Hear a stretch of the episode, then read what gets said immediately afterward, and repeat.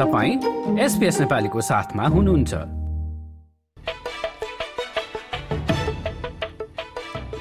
यो दुन बजेपछि पक्कै पनि अब हामी आर्थिक विषयमा कुरा गर्न जाँदैछौँ भनेर त थाहा पाइहाल्नुभयो होला र आर्थिक विषयमा कुराकानी गर्नको लागि यतिखेर हामीसँग टेलिफोन सम्पर्कमा हुनुहुन्छ विश्वास भट्टराई र विश्वासले सर्वप्रथम त स्वागत छ कार्यक्रममा र सुरुमै यो रिजर्भ ब्याङ्कका गभर्नरको अब मुद्रास्फीतिलाई घटाउन रिजर्भ ब्याङ्कले सम्पूर्ण विकल्पहरूलाई खुल्ला राखेको बताएको भनेर केही समय अगाडि आएका थिए समाचारमा जसमा अब पचास बेसिस पोइन्टको ब्याज दर वृद्धि पनि रहेको छ।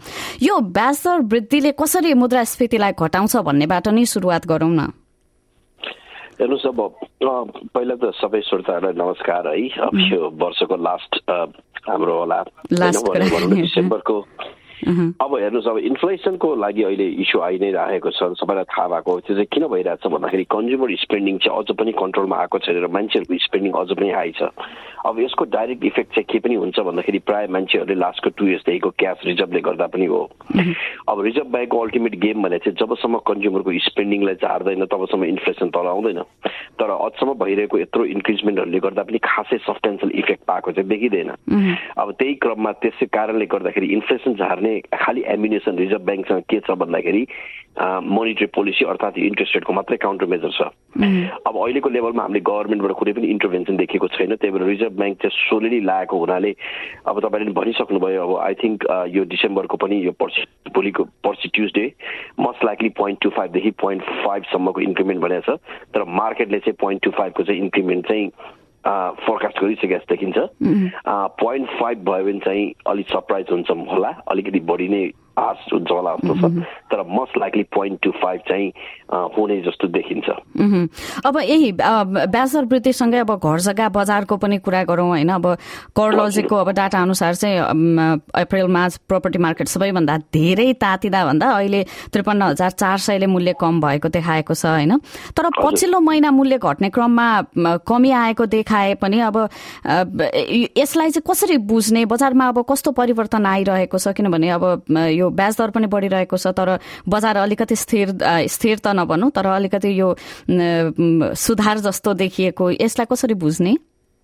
अब अहिले कस्तो छ भन्दाखेरि हजुरको यो अब कोरोलोजीको कुरा गरिहाल्नुभयो कोरोलोजीको एउटा राम्रो के छ भने कोरोलोजी धेरै नै धेरै नै डिफ्रेन्ट लेभलमा उनीहरूले गर्छ। यो pretty much daily index index daily index हो त्यही भएर यसलाई चाहिँ बढी काउन्टर मेजरमा हामीले यसलाई बढी सदुपयोग गर्छौँ त्यो सिलसिलामा। होइन अब क्वार्टर टु क्वार्टर चेन्जमा हेर्ने हो भने तपाईँले भने जस्तो सिडनीमा अहिले फोर एन्ड हाफ पर्सेन्टको हामीले देखाएको छ भने मेलबोर्नमा टू पोइन्ट सेभेन पर्सेन्ट झरेको र ब्रिस्बेनमा फाइभ पोइन्ट छ। अब यो मन्थ बाई मन्थमा चाहिँ कहिलेकाहीँ के हुन्छ भने अहिलेको नम्बर अफ ट्रान्जेक्सन भनौँ जस्तो कि क्वान्टिटी चाहिँ एकदमै कम भएको हुनाले डाटा आउन र अलिकति फेरि यो यसको प्रब्लम के छ भन्दाखेरि कोरोलोजीको चाहिँ अलिकति ल्याक किन हुन्छ भन्दाखेरि कोरोलोजिक प्रपर्टी सेल नभएसम्म चाहिँ हामी चाहिँ एक्चुअल डाटा फिड हुँदैन। त्यो पनि फेरि सेलमेनमा मात्रै फिड हुने हो भएको हुनाले अलिकति डाटा ल्याग भएको छ। तर नोभेम्बरमा हामीले के देखिरहेछौँ भन्दाखेरि नम्बर अफ प्रपर्टीको ट्रान्जेक्सन चाहिँ पहिलाभन्दा कम देखेको कारणले त्यो डाटाको इन्टिग्रिटीमा चाहिँ अलिकति क्वेसन मार्क चाहिँ डेफिनेटली छ। तर इन साइङ तपाईँले भने जस्तो डेली चेन्जेस चाहिँ पोइन्ट जिरो नाइनको लेभलमा आएको छ जुन कि पहिलाभन्दा अलिकति कम हो। किनभने जुन हिसाबले सबभन्दा ठुलो कुरा मार्केट सेग मार्केटको सेन्टिमेन्ट भनौँ न मान्छेमा अलिकति एब्जर्भ भएर चाहिँ प्रपर्टी खसिसक्यो भन्ने चाहिँ भइसकेको छ त्यो भएर पहिला जस्तो अलिकति त्रास या मान्छेलाई अलिकति प्रपर्टी बढी झर्छ भन्ने डर चाहिँ छैन त्यसले गर्दा पनि यो चाहिँ यो सेन्टिमेन्ट चाहिँ मार्केटमा अहिले मौजुद भइरहेछ अब अब हुन लाग्छ यो बढी स्टेबल लेभलमा पनि आउन सकिसकेको देखिन्छ ब्याक इन फेब्रुअरीतिर मार्चतिर यो स्टेबल भएर त्यति यो प्रपर्टी झर्ने कमको चाहिँ हामी कमतिर आइसकेको जस्तो भन्ने आवाज पनि छ अहिले चाहिँ अब यो प्रपर्टी मार्केटको कुरा गर्दाखेरि अलिकति फर्स्ट होम बायरको कुरा पनि जोडिहालौँ होइन? दुई हजार तेइसदेखि लागू हुने भनेको यो फर्स्ट होम बायर चोइस नीतिले चाहिँ अब फर्स्ट होम बायरहरूका लागि स्ट्याम्प ड्युटीमा के कस्तो परिवर्तन ल्याउँछ यसको बारेमा पनि बताइदिनु न। अब I think New South Wales गभर्मेन्टको चाहिँ एउटा नयाँ इनिसिएटिभ आएको छ हजुरले कुरा गरिहाल्नुभयो फर्स्ट अफ बायर चोइस भने होइन? अब यसको सबभन्दा ठुलो इलिमेन्ट चाहिँ के छ भन्दाखेरि स्ट्याम्प ड्युटी जुन कि हरेक प्रपर्टीमा तिर्नुपर्छ एउटा ट्याक्सै हो प्रपर्टीको एक्विजिसनमा त्यो स्ट्याम्प ड्युटी चाहिँ लमसम तिर्नुभन्दा पनि त्यसलाई चाहिँ ओभर टाइम इन्क्रिमेन्ट भनौँ न इयरली इयरली इन्स्टलमेन्टमा तिर्ने प्लान बनाएको। अब त्यसको डाइरेक्ट बेनिफिसियल चाहिँ यो चाहिँ खालि फर्स्ट टाइम बायरलाई मात्रै लागू हुन्छ र त्यो पनि property price one point five million अन्डरको प्रपर्टीमा।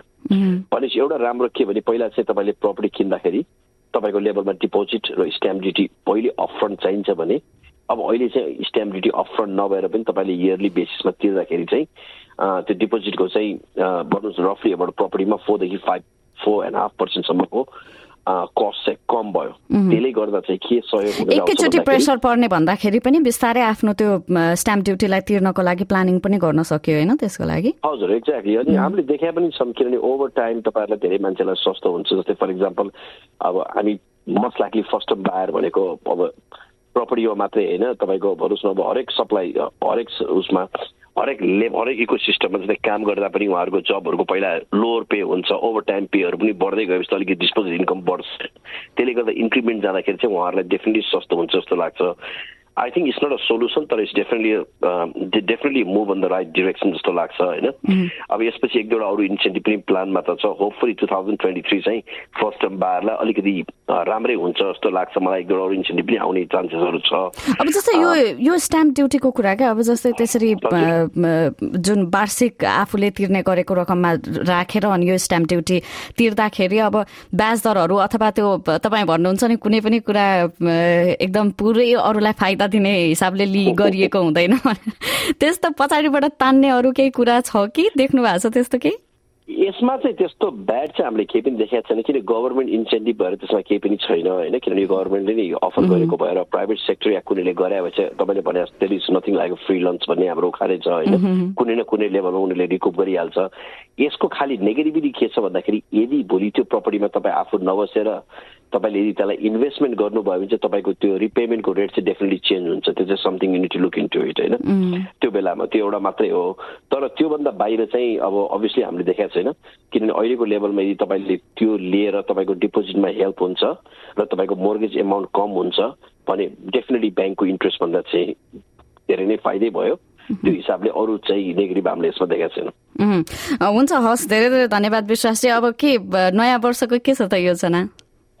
I think होइन अब हाम्रो यो प्रपर्टी मार्केट अब हेर्नु डिसेम्बरदेखि जनवरीको चाहिँ अब क्वाइटेड टाइम हो हामीलाई अहिले सबभन्दा बढी प्रपर्टीमा अलिक अनसर्टिनी भनेको इन्ट्रेस्ट रेटको फ्याक्टर हो तर जहाँसम्म लाग्छ I think April May April त नभनौँ मेदेखि जुनदेखि चाहिँ इन्ट्रेस्ट रेट सायद तल झर्न सुरु हुन्छ कि भन्ने हाम्रो आशा छ त्यो बेलासम्म इन्फ्लेसन चाहिँ सबड्यू हुन्छ होला त्यो चाहिँ सबभन्दा ठुलो कुरा हो इन्फ्लेसन फिगर पनि एकचोटि क्रिसमसले गर्दाखेरि अलिकति यो जनवरीसम्म पनि राम्रो नहोला तर मार्चदेखिको रिपोर्ट चाहिँ डेफिनेटली कम आउँछ जस्तो लाग्छ हजुर।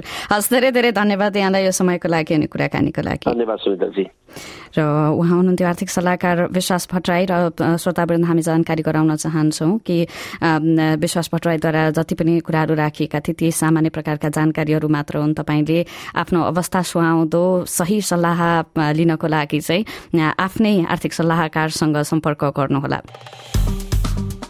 लाइक सेयर र कमेन्ट गर्नुहोस्। एसपिएस नेपालीलाई फेसबुकमा साथ दिनुहोस्।